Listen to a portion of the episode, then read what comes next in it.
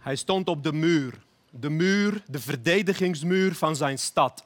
Samen met zijn leger zag hij hoe een enorme legermacht op hem afkwam en zijn stad bedreigde.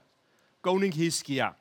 Zijn koninkrijk werd bedreigd door een enorm volk, groot volk, bewapend tot tanden toe. Ze hadden alles verwoest eromheen en nu stonden ze daar voor zijn muur.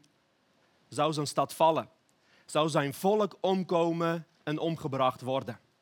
En uit het legermacht die hem omsingelde, kwam er zo'n boodschapper. Zo'n klein mannetje die dan naar voren treedt en zo'n zo'n boodschappapiertje uitrolt en begon voor te lezen.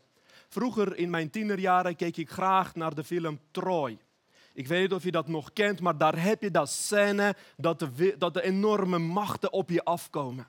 En terwijl dat kleine mannetje de, de, de dreigbrief begon te lezen, waarin er stond dat, dat, dat, dat het leger de, de, de koninkrijk van Hiskia ging aanvallen en hem gingen verwoesten, stond daar vol angst de koning met zijn eigen soldaten, wat in zware minderheid was. En de brief die kwam binnen, de dreigbrief die kwam binnen, daarin stond dat ze net als alle andere koninkrijken ook hem zouden veroveren, verwoesten, ombrengen. En koning Hiskia had geleerd om te bidden.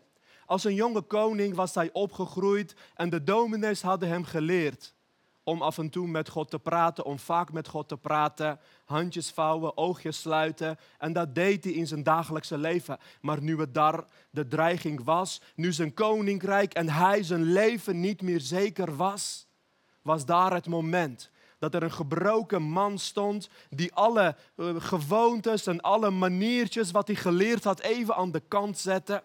Vol angst en beven pakte hij de brief, de dreigbrief hij ging naar de tempel, fysiek, symbolisch. Hij liep naar, naar de kerk, naar de plaats daar waar God moest zijn. Terwijl de buiten nog steeds de dreiging en de angst was. En eenmaal aangekomen in de kerk, legde hij de dreigbrief voor God neer. Want hij zag dat dit ook de strijd was tussen zijn God en de tegenstander. En hij ging bidden. En dat verhaal lezen we in 2 Koningen 19 vanaf vers 14. Toen Hiskia de brief had gelezen die de bode hem overhandigd hadden, ging hij naar de tempel van de Heer en hij legde de brief daar open voor hem neer. En hij bad tot de Heer, Heer, God van Israël, u die op de Gerub stroont, u alleen bent God van alle koninkrijken op aarde. U hebt de hemel en de aarde gemaakt.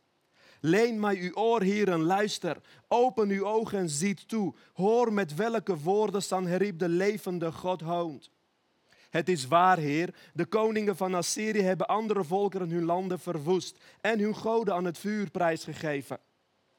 Dit waren dan ook geen echte goden. Het waren slechts maaksels van mensenhanden, beelden van hout en steen die ze vernietigd hebben. Ik vraag u, Heere onze God, red ons uit zijn handen, opdat alle koninkrijken op aarde zullen beseffen dat u, Heer, de enige God bent. Hier zien we een man die uitschreeuwt naar God. Hij is boos en hij zegt ook, heren, ze hebben een punt. Ze hebben een punt, want ze hebben daadwerkelijk vele koninkrijken verwoest. Ook vele dreigingen die wij vandaag de dag in ons leven hebben. Veel angst waar we doorheen gaan. Van alles wat er gebeurt, dat heeft een punt. Heren, maar hun strijd was niet tegen de echte God, de God van Israël. En Hiskia bidt ja, hij, voor het eerst misschien wel in zijn leven een gebroken koning. Hij scheurt zijn kleren en uit zijn teen, hij schreeuwt uit naar God. Een stukje geklaag, heren, hoe kan het? En de dreiging is zo groot. Help me, red me. Zodat iedereen ziet dat u de enige God bent. En dan staat er dat de Heere God één engel stuurt. Misschien wel een stagiair engel. Gewoon zo eentje die net begint. En in zijn eentje gaat hij de hele leger van Assyriërs, de hele leger van tegenstanders, slaat hij aan gort. Eén engel van de Heere God. En dat gebed van koning Hiskia raakte mij toen ik zelf in duisternis en in moeilijke tijden leefde. Toen ik naar de kerk was meegenomen als vluchteling en men had mij geleerd om de handjes te vouwen, oogjes te sluiten, op gezette tijden vast te bidden. Maar laten we eerlijk zijn, je hebt ook niet altijd zin om te praten met je ouders of met je partner. Soms heb je daar gewoon geen zin in. En zo ook met gebed. Als gebed het gesprek is met God, het is, het is nou eenmaal zo dat we er niet altijd zin, van, zin in hebben.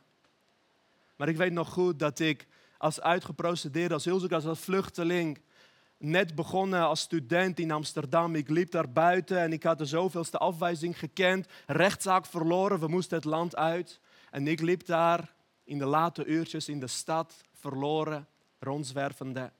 En ik vergat alles wat mij geleerd was over gebed. Al die regeltjes.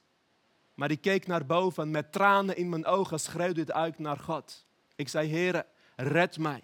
Help mij in deze situatie. En net als Hiskia kwam ik ook met een belofte. Heere, help mij, zodat ik u kan dienen. Heere, laat iedereen zien dat u de enige God bent. En weet je, toen God ingreep in mijn leven en alles veranderde, het licht brak door in mijn leven. We kregen verblijfsvergunning, ik mocht mijn droomstudie doen, alles ging goed. Ik ben gezond, mijn ouders, mijn werk, financieel heb ik het goed. Het leven lacht je toe, alles gaat fantastisch. Dan willen we ook nog eens vergeten om redenen te vinden om te bidden. Soms lijkt het alsof alles zo goed gaat. En misschien zit je nu te kijken en zegt: Ja, maar die dreiging ken ik niet. De, de, dreigbrief of de angst, dat ken ik niet. En het gaat zo fantastisch goed met me. En juist daarom vind ik het moeilijk om te bidden. Want laten we eerlijk zijn: als je tafel gedekt is, als je geen honger en dorst hebt, waarom zou je dan nog bidden? En ik las het verhaal van Nehemia. En in 1 Nehemia uh, eerste, eerste vers van Nehemia staat in vers 4. Toen Nehemia hoorde dat zijn volk getroffen was, dat zijn volk leed. Toen hij hoorde over de leed van de ander, staat er, toen ik deze woorden hoorde, ging ik huilend op de grond zitten. Ik rouwde dagenlang, vaste en ik riep God aan. God van de hemel riep ik aan. Nehemia die alles had, die leefde in het hoofd bij de koning, werd geraakt door de leed van zijn volk. En vandaag, als het gaat om gebed, dan is mijn vraag: wat raakt jou nog? Waarvoor ga je vasten, huilend op de grond zitten en bidden: Heer, net als Nehemia bad, laat ik er iets aan doen. Niet dat je blijft hangen in geklag of denkt: niet mijn probleem, ver van mijn bedshow omdat ik het zo goed heb. Nee, Heer, laat mij slagen om er iets aan te doen. Nu ik leef in overvloed en velen van ons leven in overvloed, is het zo belangrijk dat je je laat raken, dat je je laat trainen, juist nu, om iets aan de situatie te doen. Weet je, heel concreet voor mij een paar weken geleden, waar ook een, vanuit hier een oproep voor werd gedaan om te geven voor Armeniërs. Toen mijn volk, toen Armeniërs uitgedreven werden, uitgemoord werden, aangevallen werden, ver van mijn bedshow. Ik heb het hier goed. Mij raakte het niet, zou je zeggen. Maar gelukkig kon ik er niet meer van slapen. Gelukkig raakte het mij. Gelukkig herinnerde ik ook de tijd dat ik het zo moeilijk had en in duisternis leefde. Mijn uitdaging vandaag is: laat je trainen. Bereid je voor om in overvloed, maar ook in duisternis God te zoeken in alles wat je doet. Laat je trainen. Maak van je leven. Zoek de momenten op dat je niet alleen maar volgens de regeltjes zaken doet, maar weet wat het is om vanuit je teen te bidden de hemel te bestormen. Doe een bijbelschool. Ga, laat je trainen. Word iemand die, die zijn leven toewijdt aan gebed. Ikzelf ben betrokken bij Royal Mission. We hebben een bijbelschool. Er zijn zoveel bijbelscholen die je kan doen. Zoek plekken op als jonge christen om je te laten trainen. Laat je raken door de ellende van de wereld. Zoek God op in de tijden van dreiging en ellende. Maar ook als het voorspoed is en als het je goed gaat. Zodat het gebed een andere waarde voor je krijgt. En dat je opnieuw ontdekt wat het is om te praten met God. In eerlijkheid, omdat het je raakt, omdat het van binnen komt. Wees zo gezegend.